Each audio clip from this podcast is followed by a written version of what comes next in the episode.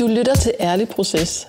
Det er en podcast, der handler om at leve mere end at overleve. Ærlig Proces handler om at være nærværende til stede i de processer, som livet bringer os. Det handler om tro og tillid, og om bevægelse og berøring, og også om åndelighed og skaberkraft. Og så handler det om, hvordan kærligheden forvandler os. Samtalerne er nysgerrige, og de rummer en længsel efter at udvide pladsen inden i os og også imellem os, sådan så vi kan rumme og leve med alle livets facetter og udfordringer.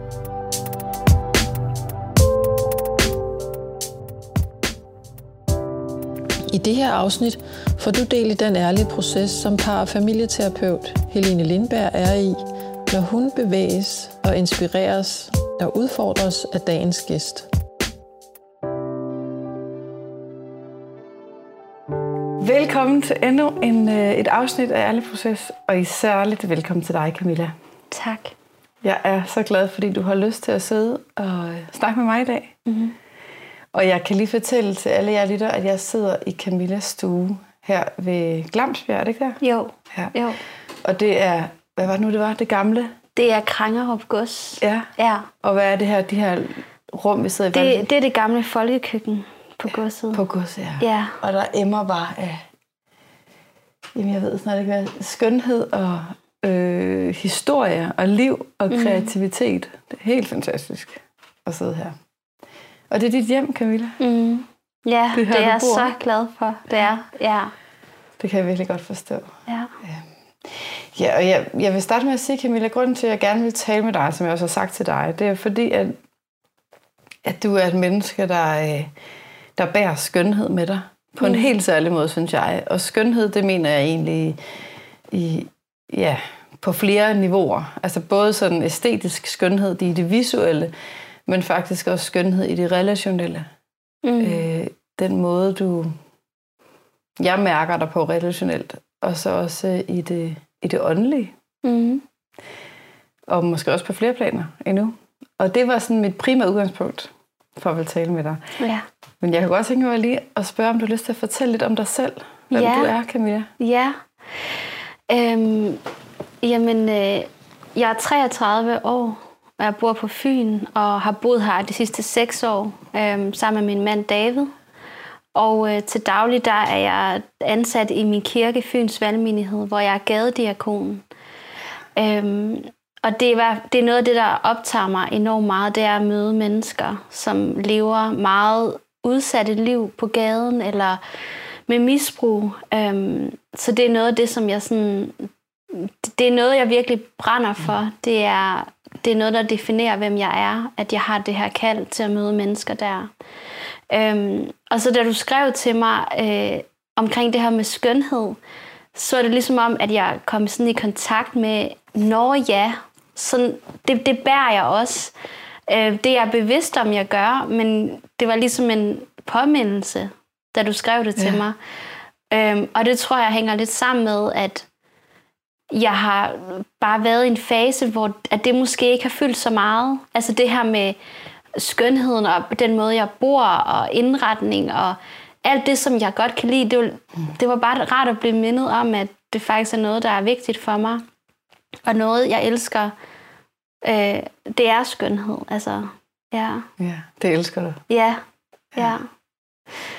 Ja, der er mere, du gerne lige vil sige, sådan introducere om dig selv. Ellers så vil jeg nemlig bare springe ja. lige ud i det. ja. var lige ved ja. Øhm, jeg tror, et, et andet sådan, ord, jeg vil sætte på mig selv, det er, at jeg er søgende. Ja. Øhm, jeg, jeg kan mærke, at jeg er på vej, og at jeg, jeg har en, en bare sådan en nysgerrighed med mig til at opdage noget nyt om mig selv, om andre mennesker, og altså om bøger, om podcasts. Om, altså jeg har sådan en, jeg har en søgende, nysgerrig natur. Mm. Og det er meget det, der også er min drivkraft. Øhm, så det er, det er også noget, jeg vil sige, kendetegner mig. Ja. ja. Hvordan er det, hænger det sammen med din, øh, dit arbejde på gaden, eller dit kald? Eller sådan? Er mm. du sådan søgende, nysgerrig? Er du rigtig meget, ja. rigtig meget. Altså det går virkelig op for mig, at, at når jeg møder et nyt menneske, så er det ligesom om, jeg føler, at jeg træder ind i sådan et landskab. Altså, ja. jeg forestiller mig, at jeg møder det her menneske, hvor det menneske er lige nu, og så ligger der en historie bagved, som jeg får lov til nogle gange at gå med ind i. Mm. Og så er der også noget, som handler om, hvad der sker sådan lige nu og her mellem os, og er nysgerrig på det. Og så nogle gange, så bliver det måske også sådan en snak om, hvad ligger foran, eller hvad drømmer du om? Mm. Så den nysgerrighed og den der, ja, det, det er klart det, jeg sådan møder mange mennesker med, at hvem, hvem er du egentlig? Og når jeg får lov til at høre nogle livshistorier, så føler jeg, at det er sådan en kæmpe ære og en kæmpe gave øhm, at høre de der historier og gå med ud i det der landskab øh, mm. sammen med et andet menneske. Så ja, jeg tror, det er også det, der er min drivkraft. Ja. ja. Det, det kender jeg også så godt. Ja. Altså, det kan jeg virkelig... Ja. Jeg kan nærmest mærke, hvordan det er, det du siger. Ja. Jeg tror, jeg deler noget af det. Ja. Du fortæller om dig selv, der. Så tror jeg også, jeg kunne sige om mig. Øhm, jeg får sådan lyst til at spørge dig lidt om, hvad, hvad har ført dig her til, hvor du er i dag? Har du lyst til at fortælle lidt om ja. Dit liv? Sådan, fordi jeg har lyst til at bare du ved, at høre om folk på gaden og ja. alt det der. Men jeg tænker måske lige til lytteren først og fortælle lidt om, hvordan... Øhm, mm. Altså har du gjort det her i lang tid, eller hvordan er du havnet her, hvor du er? Ja, Jamen, det at træde ind i denne her tjeneste med at møde mennesker på gaden, det er faktisk noget, der sådan altså det går tilbage til, da jeg var omkring 19 år, hvor jeg var på et herrebæv som en del af et, et frivilligt projekt. Øhm, og der var jeg jo 19 år gammel og var lige kommet fra gymnasiet. Så jeg trådte ligesom ind i sådan en verden med mennesker, som jo var enormt udsatte og boede på et herrebæv, var blevet hjemløse. Så det, jeg tror allerede dengang, at der blev der plantet noget i mig, som jeg så har båret med mig sidenhen. Øhm, men der er alligevel gået en lang række år, hvor jeg ikke rigtigt har været i gang med det. Øhm, og det tror jeg har hængt sammen med, at jeg har haft nogle år, hvor jeg har haft flere depressioner, og hvor jeg har haft angst.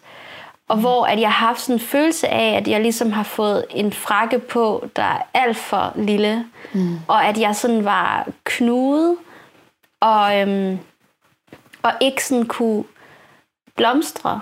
Altså, jeg har været fastlåst. Ja. Øhm, så jeg har ikke været særlig meget i kontakt med sådan drivkraft og livskraft. Altså, det, det er først nu, jeg kan mærke, at det sådan blomstrer og har gjort det de seneste par år.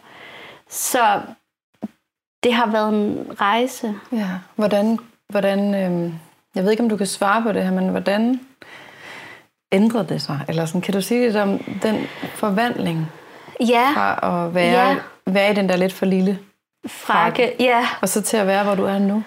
Øhm, det mest afgørende, det har været at opdage, at jeg godt må have det, sådan som jeg har det. Altså, jeg må have mine følelser, ja, okay. og jeg må have mine tanker. At det, det er okay, at jeg har dem. Mm. Det har været sådan... Det har... Ja, og, og det er sådan, hvornår det skete, det ved jeg ikke, men jeg, jeg kan bare mærke, at den angst, jeg havde, det var en angst for mine egne følelser, for mine tanker. Okay. Altså, jeg var bange for det, jeg mærkede. Okay. Og på et tidspunkt, der igennem samtaler, der gik det op for mig, at mine følelser og tanker, de er faktisk ikke farlige. Der, der faldt tigeren, fordi jeg tænkte, jamen hvis der ikke er noget inde i mig, der er farligt, så tør jeg jo godt være med de her triste følelser, eller så hvad er problemet så? Altså, jeg ja. kunne lige pludselig rumme det. Jeg flygtede ikke fra det. Jeg kunne trække vejret i det. Fordi jeg havde ting, jeg var ked af, ja. men, men der var kommet det der ekstra lag af, at jeg var ked af det, og nu var jeg også vred på mig selv over mine følelser, eller bange for mine følelser. Så det blev sådan en voldsom indre kamp. Øhm, Ja. Så, men det der med sådan at kunne sige, jamen, jeg må godt have det sådan her. Hvad hjælp, hvad hjælp dig til at kunne sige det? Altså, du sagde samtale ja. før, men også var der sådan... Øhm, ja, det er jo noget, der sker over tid, tænker ja. jeg. Så der er nok mange ting. Ikke? Der er men mange ting, jeg, ja. jeg tænker, der er mange, der måske også kender til det. Ja. Og være fanget. Ja. Og ikke kan se. Ja. at der ligesom er nogen vej ud af det. Ja. Så kan du sætte lidt flere på, hvad, der, hvad, hvad var øh, støttende eller hjælpende? Ja. Eller? Altså noget, der har været rigtig støttende for mig, det er faktisk at være ærlig om det. Ja. Øhm, jeg har en blog, hvor jeg skriver mm. om forskellige sådan, temaer i mit liv, og også de processer, jeg er i. Og der var et tidspunkt, hvor jeg, jeg faktisk bare valgte at skrive, hvordan jeg havde det. Øhm, og jeg har faktisk en tekst, som jeg fandt frem i dag, fordi jeg tænkte, at den måske var, altså, kunne sige noget om, hvordan jeg havde haft det. Og også en tekst, som nærmest er den tekst, jeg har fået allermest respons på. Har du lyst til at læse Ja, den? det vil jeg rigtig gerne. Ja, det vil jeg så gerne høre. Ja. Øhm, jamen, det er en tekst, der har overskriften Må jeg være her? Og den er skrevet i efteråret 2018. Mm. Øhm, og baggrunden for den, det var, at jeg havde aflyst en hel masse aftaler. Fordi jeg simpelthen bare havde... Altså, jeg havde ingen energi, og jeg var træt, og jeg var udkørt. Og så kan jeg huske, der var en kvinde, jeg kendte hende ikke, men hun skrev til mig og, om det her med at føle sig forkert. Når vi ligesom er i sådan en tilstand af, jeg magter ikke alt det, jeg føler, jeg burde gøre, og det, som jeg føler, andre forventer af mig. Og hvor ja. vi sådan skrev om det sammen. Og at jeg, jeg skrev også om det her med, at altså den der følelse af, at hvorfor har jeg det sådan her? Jeg kan ikke slippe ud af det. Ja. Og, og at kigge på andre, og kigge på fællesskabet, og måske føle sig forkert med sig selv, eller sådan. Øhm, så jeg skrev sådan her. Må jeg være her, selvom jeg taler dårligt til mig selv, selvom jeg er i et sort hul? Må jeg være her, selvom jeg er selvmedlidende? Må jeg elskes, selvom jeg ikke lige nu ser nogen vej frem? Må jeg være med, selvom jeg ikke har en taknemmelighedsdagbog, en morgen-yoga-rutine eller udfordrer mig selv hver dag? Må jeg være her, selvom jeg ikke kan følge dit råd, tænk positivt, tæl dine velsignelser, læs i din bibel, prøv at drikke noget vand. Må jeg være hos dig, selvom jeg ikke kan være i mig selv, eller ikke kan finde hvile, eller ikke finder opmundring i at vide, at du beder for mig? Må jeg være her, selvom jeg er trist og ikke kender udløbsdatoen for min træthed? Må jeg være her? Må jeg være med, selvom jeg ikke har noget at give? Må jeg blive elsket, selvom jeg ikke kan vise dig seje før og nu billeder af mig selv? Må jeg være her, selvom jeg ikke kan tage imod din råd, og alt jeg længes efter er dit fællesskab? Også når jeg ingenting kan.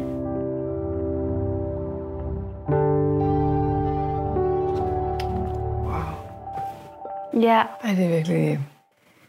Jeg ved faktisk ikke, hvad jeg skal sige. Jeg, kunne bare, jeg gik lige helt ind i det og Ja. bare lyttede, men det, det siger jeg jo. ja, Altså sætter ord på så meget. ja, ja. Og det var, altså, der var så mange, der skrev til mig. Altså, der var så mange, også folk, jeg kender, som lige pludselig skrev til mig og sagde, det er sådan, jeg har det. Tak, fordi du siger det. Mm. Folk, jeg ikke kendte, der var en, der skrev til mig, om- om hun måtte bruge det i hendes terapi, og læste op. Og, altså, der var, der var så mange, der genkendte det. Og du spurgte om det her med, hvad har hjulpet mig. Mm. Det er det her med at blive genkendt, ikke? Ja. Det er lidt ligesom sådan, at tage den der frakke af, og være sådan, vi har alle sammen brug for luft. Mm. Fordi hvis det er sådan her, vi har det, jeg havde det sådan på det tidspunkt, og det var der også andre, der havde, jamen bare det at sige det, det er helende. Ja. Altså fordi så, jeg var, jeg var trist, ikke? Og der, der var det der med at sige, det er sådan, jeg, det er sådan, jeg har det. Ja. Og så kunne blive mødt i det. Ja. Det var jo vildt helende. Så jeg tror, en vigtig del af det, det har været det der med, jamen stå, stå ved mig selv. Ja. Fordi det er også en mulighed for, at, at andre så kan møde mig i det. Og vi kan møde hinanden i ja. det. Lige præcis. Det giver rigtig meget mening. Og så bliver hele den der smerte og den der knudhed af, må jeg være her? Den, den, den får ligesom lov til at, sådan at fordufte på en eller anden måde, Mhm. fordi i det, at vi sådan træder ud der, øhm, jamen, så er vi jo pludselig sammen. Altså, så er vi jo pludselig i det fællesskab. Mhm. Og opdager, at der er faktisk nogen, der møder mig. Ja. Ja. Ja, og det, jeg tænker, jeg sidder sådan og prøver at mærke, hvordan det er for mig, det der med at, at være på den balance mellem egentlig at have brug for at udtrykke noget, men at holde det tilbage. Ja. Altså det kan vi jo gøre på mange niveauer. Ja. Øhm, hvor nogle gange det kræver også lige et sådan en dyb vejrtrækning, eller, eller et mod, eller sådan, mm. altså det, der er også en drivkraft i at bare skrive det. Jeg ved ikke, Ja. om du kender til det, men nu, jeg elsker også selv at skrive, men nogle gange, altså det kommer egentlig meget naturligt, men jeg har også haft gange, hvor jeg vil ønske, at jeg kunne skrive, men hvor jeg ikke har kunne skrive. Ja. Kender du det også? Ja. Altså, hvor det ligesom ikke kan komme ud. Ja. Men det kunne det faktisk her. Og, og mm. de, de erfaringer, du har med at udtrykke dig og Mhm. dele det ærligt, det er noget af det, som der har, Ja. Øh, det har fået forløst. frakken af. Ja. kan man sige. ja. Ja. Det har det. Og hvad så fra det, altså fra den øh, udvikling, eller den bevægelse, til så at komme helt ud Ja. på gaden og møde mennesker der? Ja. Øhm, det, har, det har været et møde med nogle mennesker, øhm, hvor jeg lige pludselig kommer i kontakt med det kald, jeg fik. Altså, det var konkrete møder med nogen, der levede i misbrug og hjemløshed. Men gik, startede du bare, bare lige for at høre, startede Ja. gik du bare lige pludselig på gaden, eller Nej, hvad gjorde det du? var eller nogen, sådan? der faktisk dukkede op i min kirke. Altså, som kom tilfældigt forbi til en gudstjeneste. Okay, ja. ja. Nej, hvor spændende. Ja, og hvor at øhm, hvor jeg lige pludselig kom i kontakt med, at jamen, jeg havde, har det her hjerte for de mennesker. Der var en, der var faktisk en, nærmest en tryghed i det for mig. Altså at sådan blive mindet om, hvordan det var at være på herrebade, og hvordan jeg oplevede dengang, at, at jeg havde en hel masse at give, og mm. at jeg kunne være i de relationer. Så det var sådan, jamen det var et møde, og det var også et sted, hvor jeg blev mødt faktisk, ikke? hvor jeg mødte nogle mennesker, som også så mig og tog kontakt til mig. Og så kom jeg egentlig i kontakt med, at jeg kunne bare pludselig mærke at mit hjerte banke igen. Ja, og, og, og det var egentlig ligesom, det var som om, at det virkelig, virkelig åbnede en dør for mig til altså sådan en følelse af, at jeg kunne også kunne kigge op fra mig selv, fordi at i de år, hvor jeg har sådan haft depressioner, der har jeg været, altså haft et, sådan et indre perspektiv mm. rigtig meget. Naturligt nok, når det gør rigtig ondt, altså så kiggede jeg indad. Jeg havde ligesom ingen grund til at kigge op, eller sådan, men det fik jeg ved at kigge på de her mennesker, ved at møde de her mennesker. Og så jeg, jeg fik det faktisk bedre, altså meget, meget bedre med mig selv, når jeg opdagede, at jeg har noget at give her. Der er noget, der kalder på mig. Og hvad er det, du har at give der? Altså det her det er et møde, konkret møde med nogle hjemløse, konkret, ja. der går ind i kirken, Ja, og så starter det her hos dig. ja. Altså du siger, mit hjerte begynder at banke igen. Ja. Altså, det er jo livet. Det er måde, det. Ikke? Ja. Ja. Jamen det, jeg opdagede, jeg havde at give, det var nærvær. Nærvær. Ja. Det er jamen at opdage, at, at jeg bruger mig selv i relationen til andre. At jeg at kommer til stede, at jeg med min fremtoning og min krop og min stemme skaber ro eller nærvær eller tillid.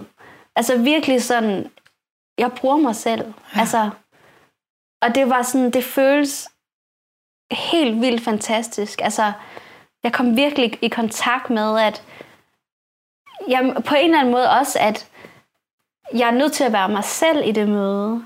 Ja. Altså, jeg, jeg bruger mig selv, det er mig selv, jeg er. Øhm, de, de er ligeglade med, hvilken uddannelse jeg har, eller Ja. hvor jeg bor. De er bare interesseret i, er du her nu? Lytter du til mig? Kan du møde mig? Kan du rumme mig? Og kan du rumme? Altså, kan du, nu tænker jeg, tænker sådan hjemløs. Jeg kan godt nogle gange blive sådan Ja. lidt skræmt, faktisk. Kan, du, kan du rumme Jamen, ja. alt det, det liv, der er både indeni og omkring? Og, altså, jeg tænker både misbrug og... Mm. Ja. Øhm, Jamen, Ja, det oplever muligt. jeg faktisk, jeg kan langt hen ad vejen. Altså, jeg tror også, det er der, det er også der, hvor jeg egentlig også må, altså, hvor jeg også føler, at jeg får en, Gud, en gave fra Gud, i at jeg faktisk kan rumme rigtig meget. Og i, at jeg ikke løber skrigende væk. Fordi det er der alle mulige grund til at gøre. Altså, nogle gange så er det voldsomt, når et menneske er enormt påvirket, eller altså påvirket af stoffer, og der kan også være situationer, hvor jeg kan se, at okay, nu har det her menneske, jeg er sammen med, det rigtig dårligt. Ja. Øhm, men jeg tror, jeg har en eller anden, jeg tror, jeg har en gave til at kunne stå i de fleste situationer med ro. Altså, fordi det, det jeg har, jeg kan gøre plads til den anden, det kan jeg faktisk ofte mærke. Altså, at jeg sådan, jeg har ro på mig selv, samtidig med, at jeg forsøger at finde ud af, hvad er det lige, der sker lige nu? Ja. Eller sådan, hvad, hvad gør du helt konkret? Kan du sige det? Ja, jamen, jeg kan huske en situation med, øh, med en, hvor han blev enormt utryg, mm. og hvor at hans måde at sådan håndtere det på var at begynde at råbe. Øhm, og der blev jeg irriteret indeni. Jeg kunne mærke, at jeg var sådan... Irriteret, ikke bange? Nej, jeg blev irriteret. Okay. Jeg blev irriteret over, ja. åh, tag dig nu sammen. Men så, så lige pludselig kom jeg bare i kontakt med, hvordan ville jeg selv have det, hvis jeg var så utryg og begyndte at råbe folk. Hvordan ville jeg have det? Og så gik det op for mig, at han var bange. Og jeg lagde en hånd sådan, eller en arm rundt om ham, og sagde bare til ham, sådan, det skal nok gå, det er okay, jeg er her. Og så sagde han til mig, vil du ikke nok passe på mig? Okay. Og så gik det op for mig, det er jo det, sådan, hvis vi taler om sådan situationer, hvor at mennesker begynder at råbe, eller det, det er jo rigtig ofte, fordi det går ondt ind i, og mm. de er bange. Ikke? Og hvis jeg begynder at råbe tilbage, eller siger, det der, det vil jeg ikke have, eller nu, nu må du stoppe, eller sådan. Jeg kunne bare mærke, at, at det, at jeg sagde, jamen, jeg skal nok passe på dig, det var det, der var brug for. Altså, der var brug for tryghed. Og det kunne du faktisk give? Det var kunne det jeg give. Mand, ja, ja, det kunne ja, du give ham? det kunne jeg give ham der. Ja. Øhm, og det var sådan en opdagelse for mig i, at at se ud over det der, se ud over øhm, det, som måske er sådan umiddelbart en følelse af at tage afstand til andre mennesker, og råbe mm. andre mennesker, og sådan male sig selv helt op i et hjørne, mm. eller sådan, men altså gå ind i det og, og forsøge at være der og skabe en ro og en tryghed. Det gjorde, at vi kom ud af den situation og kunne egentlig bare sætte os og snakke sammen igen. Altså, ja. Men jeg, jeg har sådan en øh, ting, jeg lige bliver optaget men mm. hvorfor du ikke bliver bange? Altså jeg forestiller mig, hvis en yeah. begynder at råbe, eller den der uterrenlighed, yeah. der også kan være. Altså jeg kan huske, at jeg arbejdede i psykiatrien på et tidspunkt, og det var også sådan, mm. Altså det er jo ikke helt måske det samme. Der er alligevel noget sådan indover. Yeah. Jeg kan huske, der var en, der gik altså, helt amok på et tidspunkt. Øhm, mm. Og det er også et behandlingssted, så det er noget andet, ikke? Men, men hvor jeg kører for mig, der bliver jeg bange. Altså sådan det der med, hvad, hvad er det, der gør, at du ikke bliver bange for, øh, for den her sådan lidt utilregnelige adfærd? Altså, jeg bliver ikke bange, hvis situationen ikke handler om mig. Hvis, altså, og rigtig ofte, så, er der ikke, så handler konflikten og følelserne ikke om mig. Altså, mm. det kan være, at der er personer, som indbyrdes har nogle konflikter, eller der opstår noget, hvor at jeg oplever, at så længe jeg ikke føler, at nu går det her ud over mig, altså, så, så er jeg afventende. Mm. Kan, jeg, kan jeg skabe ro i situationen? Selvfølgelig kan der opstå situationer, hvor at jeg ved, at jeg skal trække mig, og det gør jeg også. Mm. Altså, så går jeg, og så, så siger jeg, jeg tror, det er bedst, jeg går nu. Og så, så går jeg bare stille og roligt. Øhm, men der var en, der sagde til mig, at hun sagde til mig sådan, jeg kan mærke en forskel, når du og de andre, og det er folk fra min kirke, når I er på gaden. Der sker noget. Wow. Øhm, og andre, der siger, at der kommer en ro. Mm. Altså, og det tror jeg på. Jeg tror både, det er noget, sådan Gud virker igennem os, men bare det, at der er nogle mennesker, som for det første ikke er påvirket, ja. og som jamen jeg vil gerne de her mennesker. Det tror jeg også skaber en tryghed og sådan en ro. Ja. Altså, ja. Det er okay. Kan vi lige høre lidt kaffemaskine i ja. ja. ja. Ja. det bliver ved. Det var den kaffe. Ej, Sådan, nu stop. Ja. Nu er den slukket sig selv. Jamen, jeg tænkte på noget i forhold til det, du siger med... Øhm, altså, at du, du kan lide dig, og du vil gerne være med dem, faktisk. Mm. Så får jeg sådan lyst til at, at spørge dig, om du sådan hvad du ser i de her mennesker. Altså, du sagde før, at du kan se bagom, for eksempel. Mm. Øh, en, der råber, eller sådan, ikke? Men, men ser du for eksempel skønhed i dem? I, nu er det jo mange forskellige mennesker, mm. det ved jeg godt, at du møder, ikke? Men kan du sige lidt om det? Ja, jeg ser skønhed, og jeg ser det rigtig meget i øjnene på folk. Altså Ja. det har jeg tænkt rigtig meget over, fordi at måske så... Altså det, det kan måske godt være svært at se en sådan ydre skønhed, når mennesker virkelig, virkelig har det skidt, hvor at de måske ikke altså sådan er stoppet med personlig hygiejne og bare har det virkelig dårligt med sig selv, ikke også? Altså, det kan da godt være svært at sådan se sådan skønheden i det, men jeg har virkelig lagt mærke til sådan, at skønheden, den, den er i, i øjnene. Altså det der med, at, at øjne kan begynde at lyse, for eksempel. Altså at jeg sådan kan se, wow, der var et eller andet her, der sådan dukkede op. Jeg kan se, det menneske lyser. Så synes jeg virkelig, jeg kan se skønheden. Ja. Altså det synes jeg. Så du kan se skønheden og lyset i øjnene? Ja, ja. Og hvor, kan du give et eksempel på, hvornår du har set det? Øhm, der var et tidspunkt, hvor jeg talte med en kvinde, hvor at jeg sagde faktisk til hende, ej, hvor er dine øjne bare vildt smukke. Altså hun havde de vildeste blå øjne, altså ligesom sådan et hav, eller sådan, det var, Ja. jeg var bare nødt til at sige det, eller sådan, jeg kunne bare virkelig se det, og sådan se, hvordan hun bare tog imod det, og blev sådan glad og stolt. Altså, Mm. det, det, det er sådan nogle situationer, hvor at hvor jeg måske, altså jeg prøver at sætte ord på den skønhed, jeg ser Ja. hos dem, jeg møder. Så det er som om, det også træder frem. Altså, der var en, hvor at jeg sagde til ham, at du er jo kunstner. Ja. Fordi han er kunstner. Og hvor jeg bare kunne se sådan en stolthed i ham, at synes du det? Er jeg det? Og sådan det der, det der smil, der ligesom får lov til at... Sådan, han giver ligesom slip og bare tror på det, jeg siger lige nu, når vi er sammen. Mm. Det synes jeg, der kan jeg virkelig se skønhed. Men du ser det, og så, så, så øh, hvad kan man sige, du spejler det også, eller du, kalder, Ja, du, du ja. talesætter det, Ja, det gør jeg og faktisk. så kalder du det også frem. Ja, Kan man sige det? ja. Ja.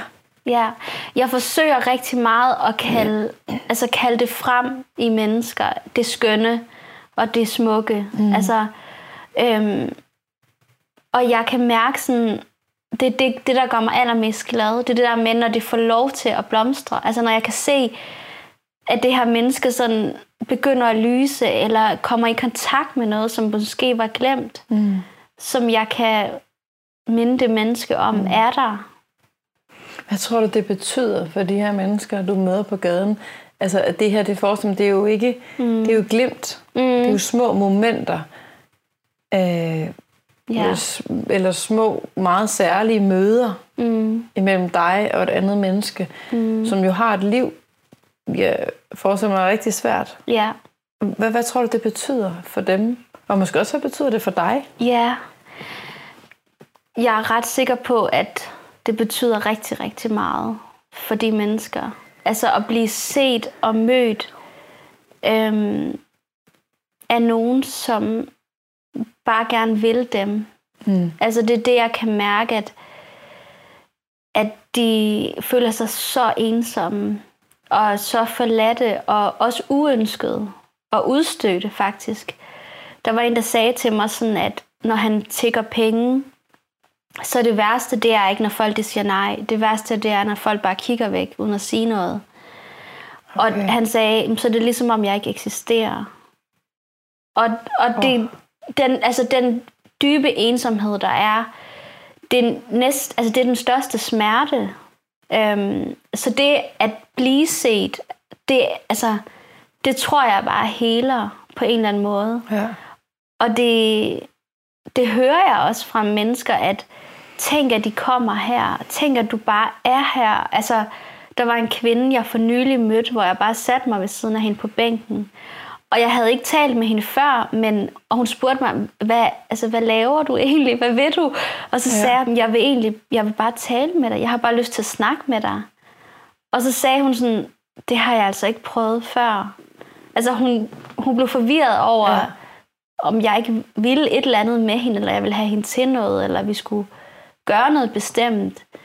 Vi sad bare og snakkede. Og når hun ser mig nu, så springer hun bare op på mig. Altså, hun bliver virkelig glad. Og jeg bliver glad for at se hende. Ikke? Så det er sådan... Men det er jo, ja. jeg tænker på, at jeg ved ikke, jeg kan bare så tænke på det med, at vi ofte har den mål med, altså her i vores samfund. Jeg ved godt, det er lidt et andet yeah. måske plan at hive det op på, men mm. det der mhm. med, at, at hvis vi gør noget, så har det et formål, eller yeah. så det er fordi, vi skal udrette noget. Altså det her, der er du bare med yeah. et andet menneske. Ja. Ikke fordi det skal vise en anden form for fremskridt, Mm-mm. eller skal Mm-mm. stoppe med et misbrug, eller fordi det skal have behandlet en eller anden form for yeah. sygdom, eller yeah.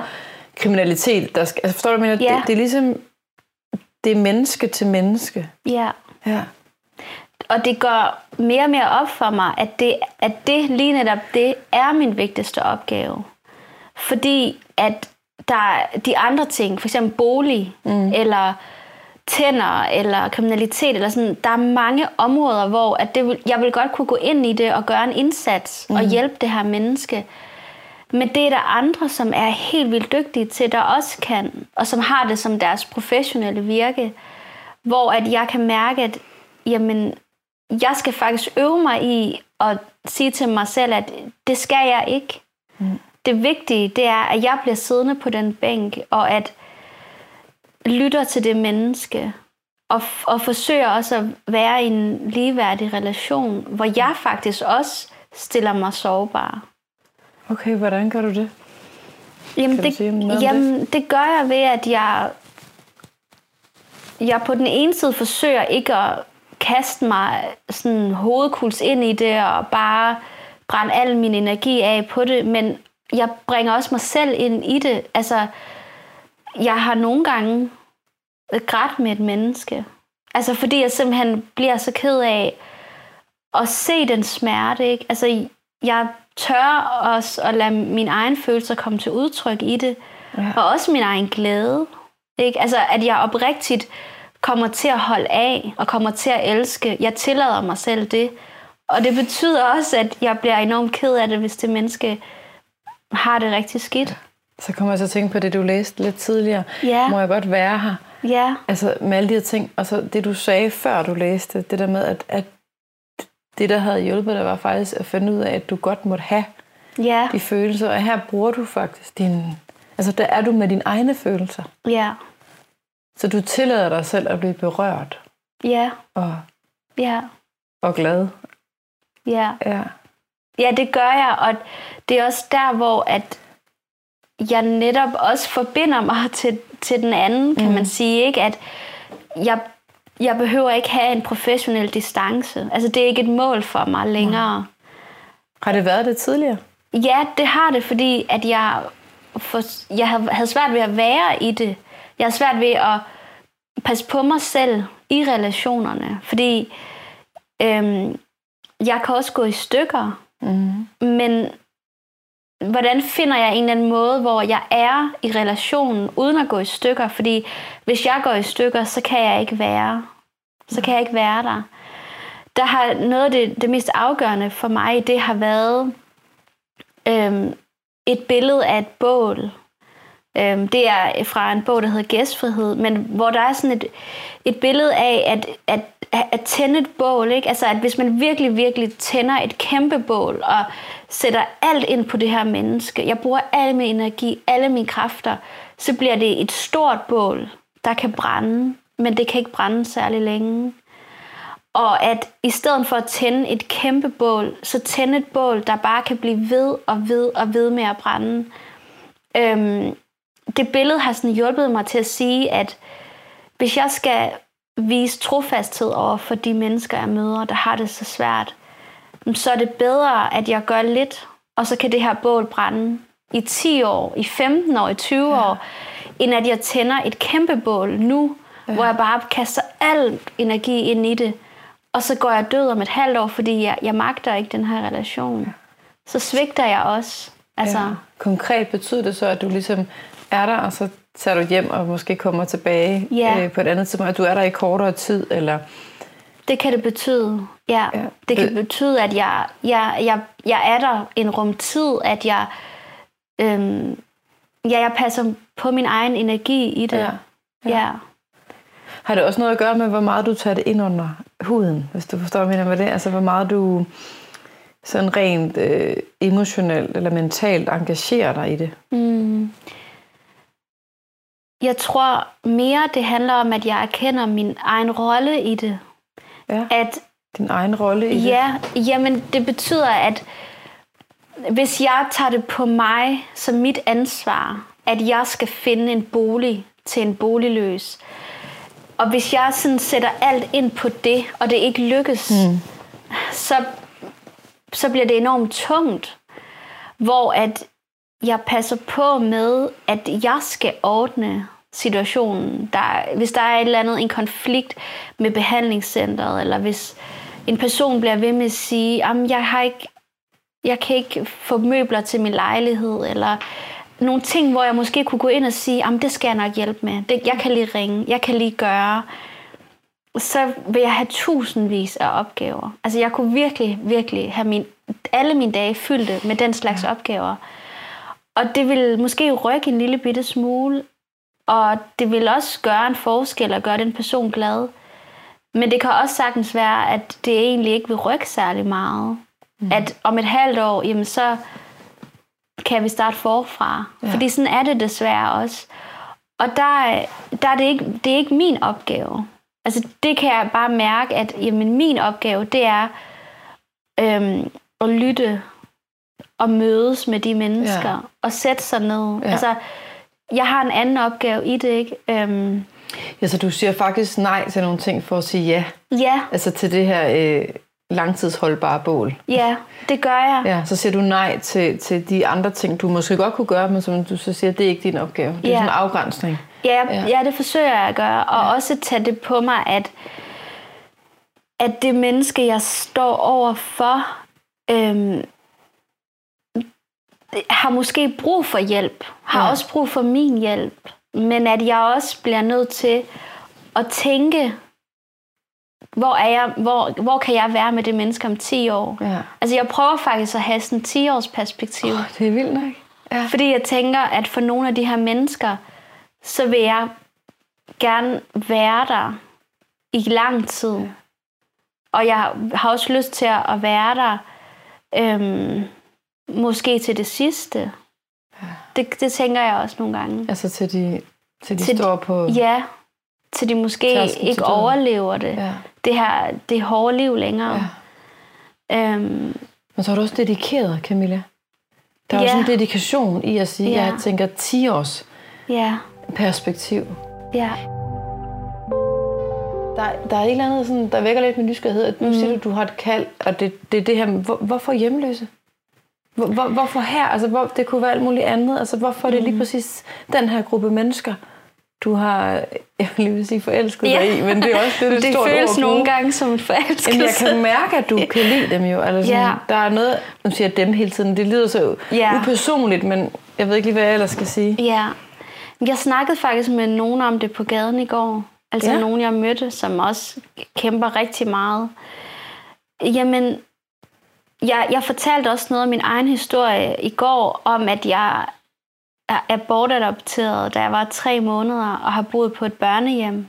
Mm. Og jeg har altid båret sådan en følelse af forladthed med mig, og den, den har jeg stadig. Den har du stadig? Ja, altså den der sådan følelse, jamen lige præcis der, må jeg være her? Følelsen af, må jeg være her?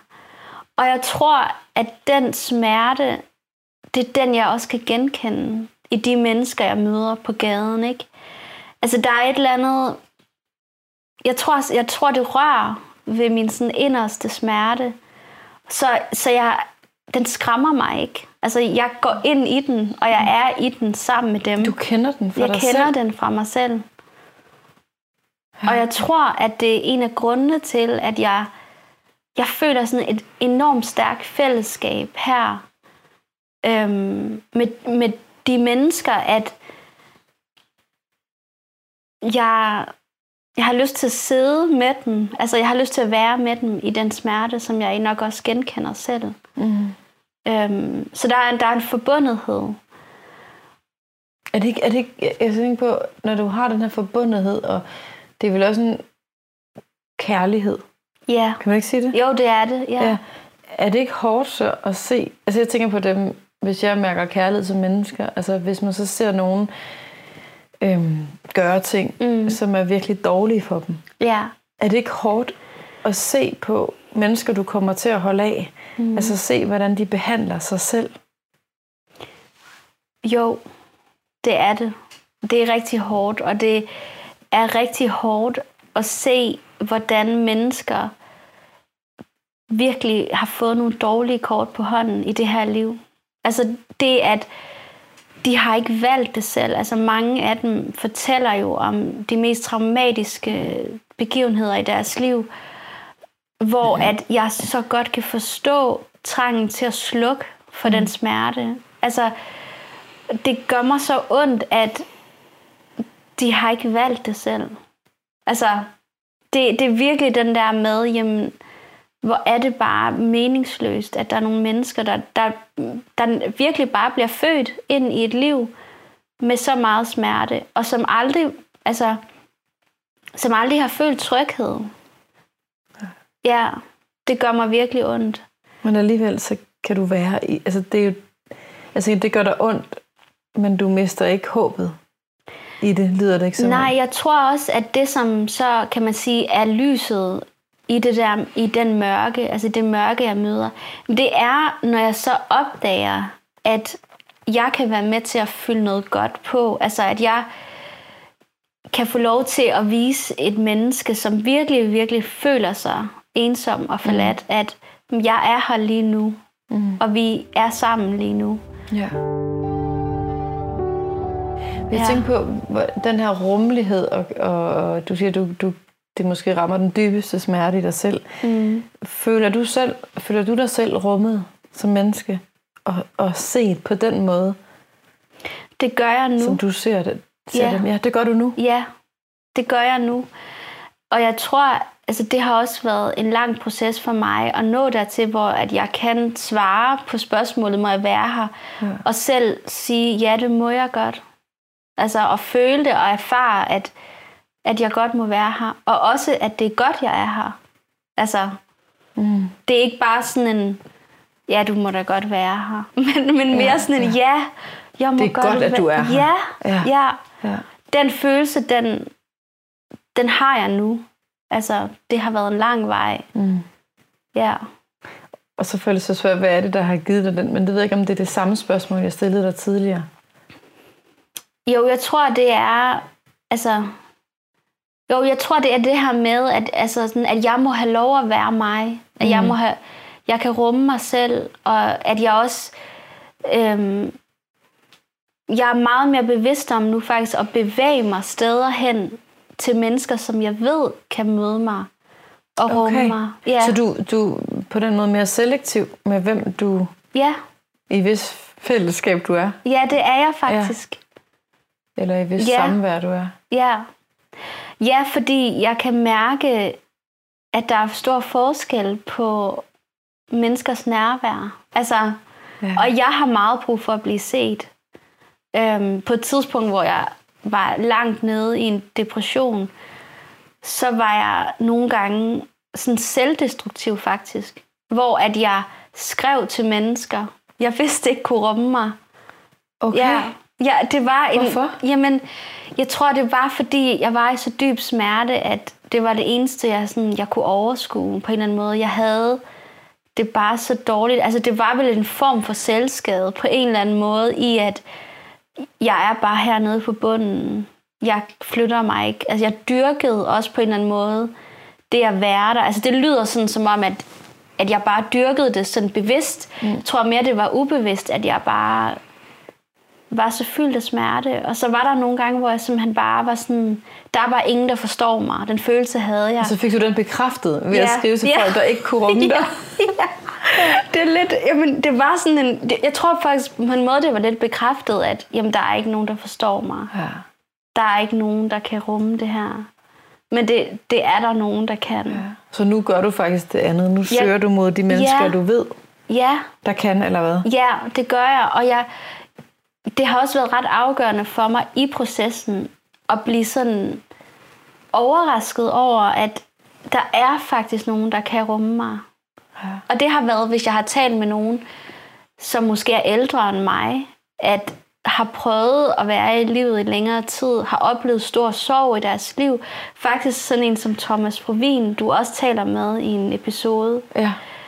Øhm, der, det, det har været sådan ret og afgørende for mig at møde mennesker, som kender livet, mm. kender sorgen og ved, at det faktisk ikke det kan godt gøre ondt at være her, men måske er det ikke farligt at være her, ja. fordi at jeg har haft meget angst. Altså, det har føltes farligt. Ja. At have alle de følelser inde ja. ja. Kan du stadig blive bange for de følelser? Eller, altså, kan du... Ja, det kan jeg godt. Altså, det, jeg kan godt stadig blive bange for mine egne følelser. Øhm, men jeg kan mærke, at jeg bliver ikke hængende lige så længe i det. Okay. Øhm, hvad ja. er dit... Øhm, hvad er ligesom din nøgle der til ikke at blive hængende? Øhm, to. Ja, jamen, jamen, jeg har faktisk brugt ordet nøgle. Altså, den ene nøgle, det er, at jeg, øh, jeg udsætter nogle gange følelser. Altså, jeg, jeg kan faktisk godt sige til mig selv, der er et eller andet, der nager mig helt vildt og jeg er lige ved at dykke ned i det nu, og jeg har, jeg har bare, jeg er ved at forsvinde. Altså, det overtager mig på en eller anden måde. Så kan jeg godt sige til min mand, at det her, det bekymrer mig helt vildt, det gør mig bange. Men jeg vælger, at det er først i morgen, jeg håndterer det. Fordi i dag, så skal jeg noget, der er vigtigt for mig, eller noget, jeg gerne vil. I morgen, der snakker vi om det. Ja. I timevis, hvis det er det, der skal til. Eller, jeg, jeg kan bare ikke lige nu. Og det har gjort, at jeg sådan har kunne flytte fokus og sige til mig selv, at ja, de der følelser er der. De larmer helt vildt lige nu. Men, men jeg, jeg vil ikke gå med på det lige nu. Mm. Det er vigtigt for mig. Jeg skal håndtere det, eller bearbejde det, eller gøre noget med det. Men jeg kan ikke gøre det på nogen god måde lige nu. Altså, jeg, jeg, jeg forsvinder ind i det. Og så opdage, at jeg faktisk kan udsætte øhm, sådan, ja, det at kaste mig ned i det, det har hjulpet mig rigtig, rigtig meget. Øhm, Kaste dig ned i det? Ja, det er fordi, at jeg kan godt vågne med en følelse, for eksempel. Jeg kan vågne med sådan en følelse af, af tomhed eller meningsløshed. Og så kan jeg tænke, okay, jamen jeg skal faktisk nogle ting i dag, jeg gerne vil, der gør mig glad og som er meningsfuldt for mig. Står jeg op og gør det? Går jeg ud i dagen? Eller bliver jeg liggende her og tænker på det, der er meningsløst? Og der har jeg tidligere i mit liv blevet, blevet liggende. Ja. Altså blevet liggende i følelsen, i tankerne, i mm. historierne, der dukker op i mit sind. Jeg har ikke kunnet stå op. Altså, jeg har måske gået to timer, før jeg så stod op og kommet i gang med min dag. Og når jeg var kommet i gang med min dag, havde jeg ingen energi tilbage, ingen glæde. Og der kan man sige, jamen, skal jeg så blive liggende? Eller skal jeg stå ja. op og prøve? Ja. Ja. Der, der prøver jeg nu at stå op og mærker, at, at det måske forsvinder, eller måske er det, der rumsterer, men jeg kan godt gøre noget andet samtidig ja. med på en eller anden måde. Det er ret vildt, det du siger, synes jeg, fordi at, at det er jo sådan en, den følelse af ikke at kunne stå op, og så endelig stå op og ikke have energi, den er jo voldsom. Altså, den Helt er jo vildt. så jamen, sådan invaderende, vil jeg sige. Og, mm. Men der er jo ligesom sket et skift, hvor du får nogle erfaringer af, okay, jeg kan stoppe, og du har et formål med at stoppe, Ja. og så kan du kaste dig ud i det. Ja. Men for sådan nødt til at spørge dig, sådan, til, hvad, hvornår føler du, hvornår føler du dig allermest levende? Fordi der er sådan liv Ja. i det der. Altså, der er jo liv i mange af de ting, du siger. Ja. Så det er sådan et meget stort, og måske også bredt spørgsmål, men jeg får lyst til at stille dig det.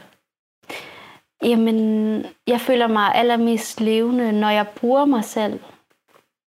Når, Når du jeg- bruger dig selv. Ja, når jeg kan mærke, at jeg for eksempel påvirker en samtale eller en situation, øhm, at jeg, øh, jeg, jeg får skabt et nærvær for eksempel, eller at jeg sådan, jamen jeg er i en samtale måske, hvor jeg kan mærke, at der er et eller andet på spil her, jeg kan vide, hvad det er. Ja. Jeg vil gerne vide mere om det. Og så få åbnet den dør, og sådan få spurgt ind til noget måske. Og jeg så kan mærke, at det menneske, jeg taler med, bliver sådan...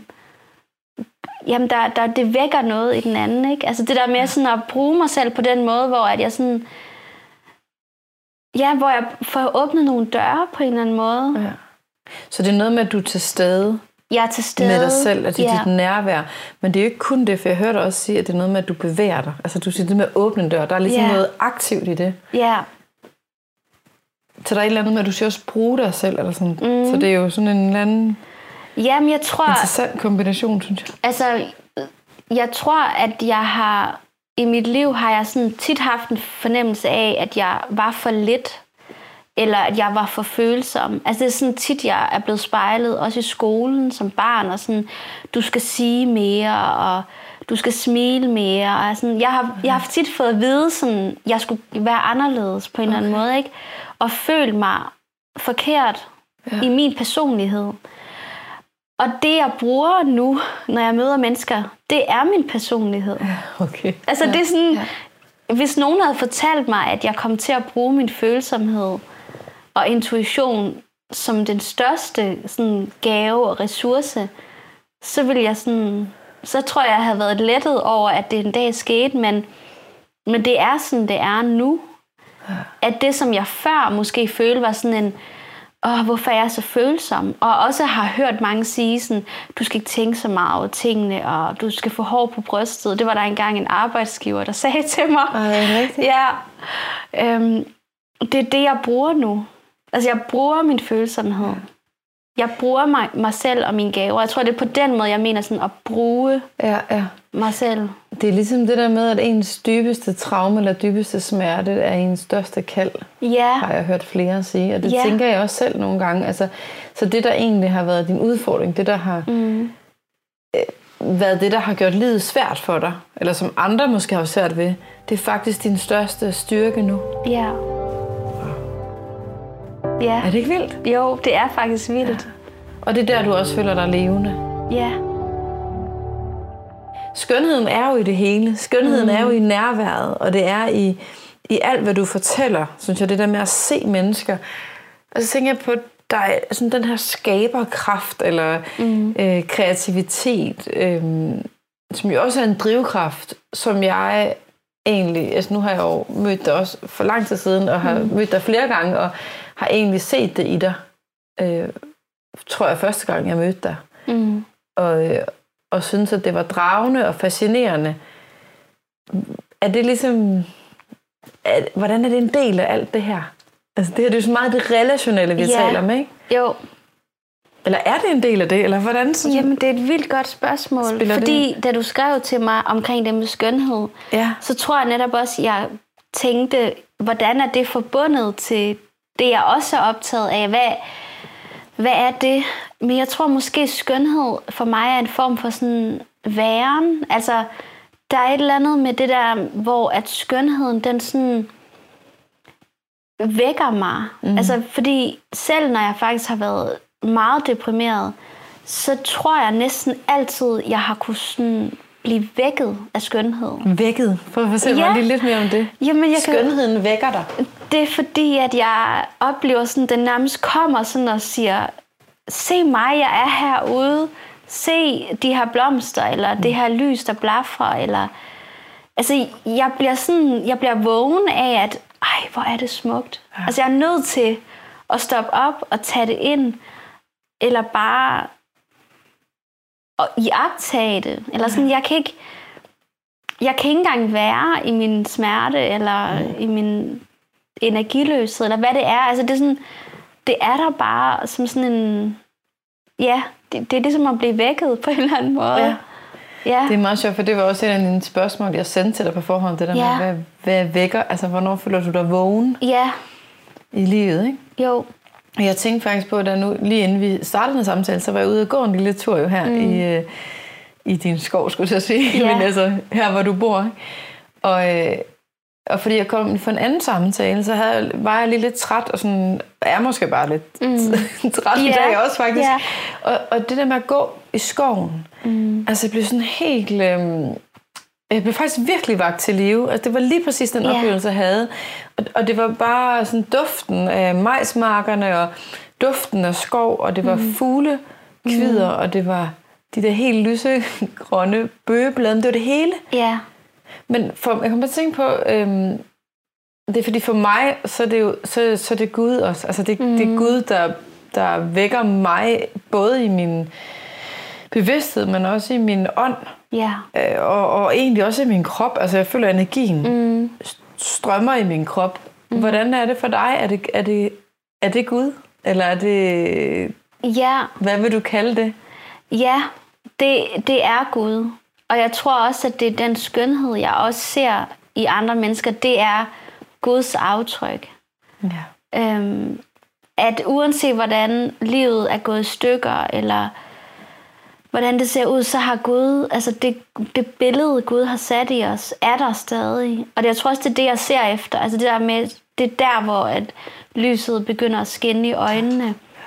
Og de, når jeg går i naturen, ikke, altså det, det, Gud har bare sat så mange aftryk over det hele. Og den der, hvor er det mund? Eller sådan, jeg tror også, det, det handler også om skønhed for mig. Altså at se Guds iboende skønhed. Den er bare alle mulige forskellige steder. Det, der virkelig sådan er smukt, og som optager mig, det er, at du både siger, det vækker mig. Så det er noget, altså jeg forestiller mig, ligesom du er vækket af en eller anden lyd, så er det noget, der kommer udefra. Ja, Men du også kigger efter det. ja, Så du både, du, du kigger efter det her mm. guddommelige aftryk, eller skønheden ja, omkring dig, de her aftryk. mm, Men du, du bliver også vækket af dem. ja. Det er rigtigt. Det er virkelig... Ja. Jeg kan mærke, altså det er virkelig smukt, og jeg kan mærke, når jeg snakker med dig, Camilla, så, så, øhm, så får jeg lyst til at, at lede også efter Jeg tror også, jeg kigger efter det, altså når jeg møder mennesker. Og jeg får lyst til at gøre det endnu mere. Men jeg får også lyst til at gøre det på de tidspunkter, hvor at, at jeg er særligt uopmærksom på det. Ja. Forstår du, hvad jeg mener med det? Ja. Altså, der er også dage, hvor det bare er... um, Jeg ved det ikke sådan helt, hvordan... Altså, det der med ens energi er jo forskellig. Mm. Og der er jo forskellige sæsoner i livet. Eller jeg har, der kan være alt muligt, ikke? der ja. fylder. Men det er noget, jeg tænker tit på. Det med, hvordan kan jeg få øje på skønheden i en situation, som umiddelbart ikke ser skøn ud. Ja. Eller som ikke føles skøn. Kan du det? Altså, kan du få øje på skønheden der, hvor du, hvis du er i en konflikt, eller er i en presset situation, eller... Forstår du, hvad jeg mener med det? Mm. Eller er, er i noget, der er svært? Kan du så også få øje på skønheden der? Eller på Guds aftryk? Ja, jamen, det er ikke altid, jeg kan det. Men jeg tror, det, der, det er der, hvor jeg tænker nogle gange, at Gud ligesom forsøger at nå ind til mig, det er, når jeg simpelthen på en eller anden måde selv har lukket ned, og så alligevel, så kan jeg lige pludselig mærke solen på min kind, eller lige pludselig midt i noget bare, så opdager jeg, der var, der var Guds ånd på en eller anden måde. Så, så nogle gange, så, kan man, så synes jeg selv, jeg har lukket ned for det. Men mm. alligevel, så får det nogle gange lov til bare at bryde igennem. Um, og det er også der, hvor jeg sådan, du sagde det her med, at det kommer udefra. Ja. Det er den erfaring, jeg faktisk tit har. Jeg kan ikke rigtig styre det selv. Mm. Jeg kan godt lede min opmærksomhed derhen, men det er ikke engang altid, jeg formår det. Jeg har, jeg har brug for at blive vækket. ind i det. Måske, Ja. Det bliver måske det de sidste spørgsmål, men når du sidder med de her mennesker, øh, sammen med de her mennesker, som du møder på gaden, kan de væk, altså vækker de det i dig? Altså, Ja, det gør de. Åh, du stråler det, du Ja. sagde ja. Ja, Hvordan det det? gør de. Kan du bare lige sådan afslutningsvis sige lidt om det? Jamen, jeg føler mig jo også set i det. Altså, jeg, jeg tror, at det er der, hvor jeg, jeg kan mærke sårbarheden i, at jeg faktisk forsøger at blive venner. Altså, jeg forsøger at elske nogle mennesker, og jeg også lader dem elske mig tilbage. Det bliver Hvordan sårbart. føler du dig set af dem? Hvordan ser de dig? Der er en, der altid siger til mig, ej, det er dig med passion. og så mødte jeg ham for nylig, hvor min mand var med. Og så siger han til mig, åh, det er fedt, du tager det sådan, man skal også være stolt af sin dame. og så mødte jeg ham her for nylig, og så siger han til mig, du skal altså snart til frisøren, fordi din page, den kunne godt være lidt skarpere. Og han sagde det i det største, kærligste smil, og han havde lige givet mig et kram. Og så sagde jeg til ham, jeg skal nok bestille en tid til frisøren. Altså, ja. Men det der med, at jeg føler sådan, jamen faktisk er der tit god tid på gaden. Altså der er tit sådan, folk de stopper op og har god tid faktisk. Kan du godt lide det? Ja, ja. ja. Jeg kan godt lide, at der ikke er en, altså, det, selvfølgelig kan folk være enormt presset og stresset, men rigtig ofte, så er der god tid til at snakke. Mm. Og sådan spørge ind til hinanden, og fortælle en masse røverhistorier, og hænge ud. Altså ja. virkelig bare hænge ud sammen. Fortæller du også om dit liv? Ja, det gør jeg. Altså det gør jeg. Ja. Ja. Så det er, vil du sige, at det her det er ligeværdige relationer? Ja, det vil jeg. Det er nogle meget andre relationer, end mm. dem, jeg har til andre mennesker i mit liv, som ikke lever i hjemløshed og misbrug. Men det er nogle relationer, som virkelig er betydningsfulde for mig og vækker mig på så mange områder. Og jeg er altid fyldt af sådan dyb taknemmelighed, når jeg har været på gaden. Altså det er jeg altid, fordi jeg får virkelig så meget med, altså så meget med hjem. Ja. Der er også noget, jeg lægger mærke til, når, når du taler om, altså hver gang i den her samtale, hvor du har talt om de her mennesker, mm. du møder på gaden, så, så smiler du faktisk. Ja. Det er ret vildt. Altså, Ja. det, der er en glæde Ja. i dig, når du taler om det. Ja. Men Camilla, jeg, altså jeg, jeg synes, det er meget inspirerende at høre dig fortælle om de her møder, og jeg har sådan helt her til sidst vil høre dig noget, som du har lyst til at uddybe mere, eller noget, der, um, der skal tilføjes. Ja. Jeg oplever, altså jeg oplever, at Jesus virkelig går med mig derud. Altså det kan jeg mærke, at, øhm, at, at når jeg er derude, så har jeg tit sådan en følelse af, at det kan godt være, at der er nogen, der er hjemløse, men vi, vi længes alle sammen efter den her følelse af at finde hjem. Altså det har vi alle sammen til fælles. Og det sådan billede, jeg har af Jesus, det er, at han er den, der er det hjem, vi længes efter. Øhm, og det gælder for mig, og det gælder for de mennesker, jeg møder. Og at jeg simpelthen, jeg, jeg kan bare mærke, hvordan at, altså den længsel, den er sådan en fælles længsel. Altså den adskiller ikke mig fra en hjemløs eller en misbruger, at jeg har bare den her længsel efter at finde hjem. Øhm, og jeg tror virkelig, at jeg tror virkelig, at for de fleste mennesker er det den her oplevelse af, må jeg være her? Altså, hvor hører jeg til? Og jeg tror, at øh, jeg tror også, at vi, kan, vi også kan være hinandens hjem på en eller anden måde, og, at, mm. og så tror jeg også, at Gud sådan inviterer os ind i et fællesskab med ham, øhm, ja, hvor vi ikke er i tvivl om, at vi må være her. Ja. Så det, det er nok det, jeg vil sige, sådan er min, mit kald. Altså, det er det jeg, det, jeg går med på en eller anden måde, når jeg er derude. Og finde hjem. Ja. Øhm, Og finde hjem. ja. Jeg blev faktisk rørt, da du sagde det med at finde hjem. Mm, Og at Jesus er vores hjem. ja.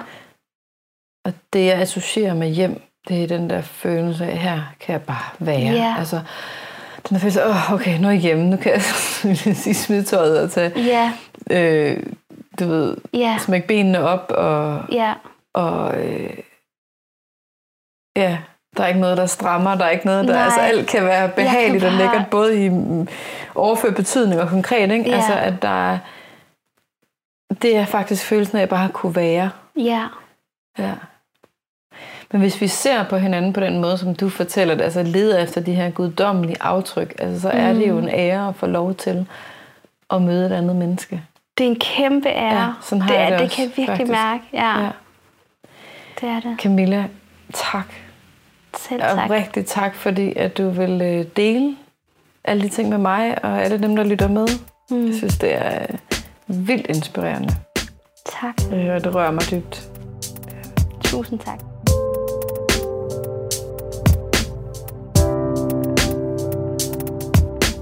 Tak fordi du lyttede med. Vil du hjælpe med at udbrede kendskabet til Ærlig Proces, kan du gøre det ved at give den et like eller klik abonner der, hvor du lytter til podcast.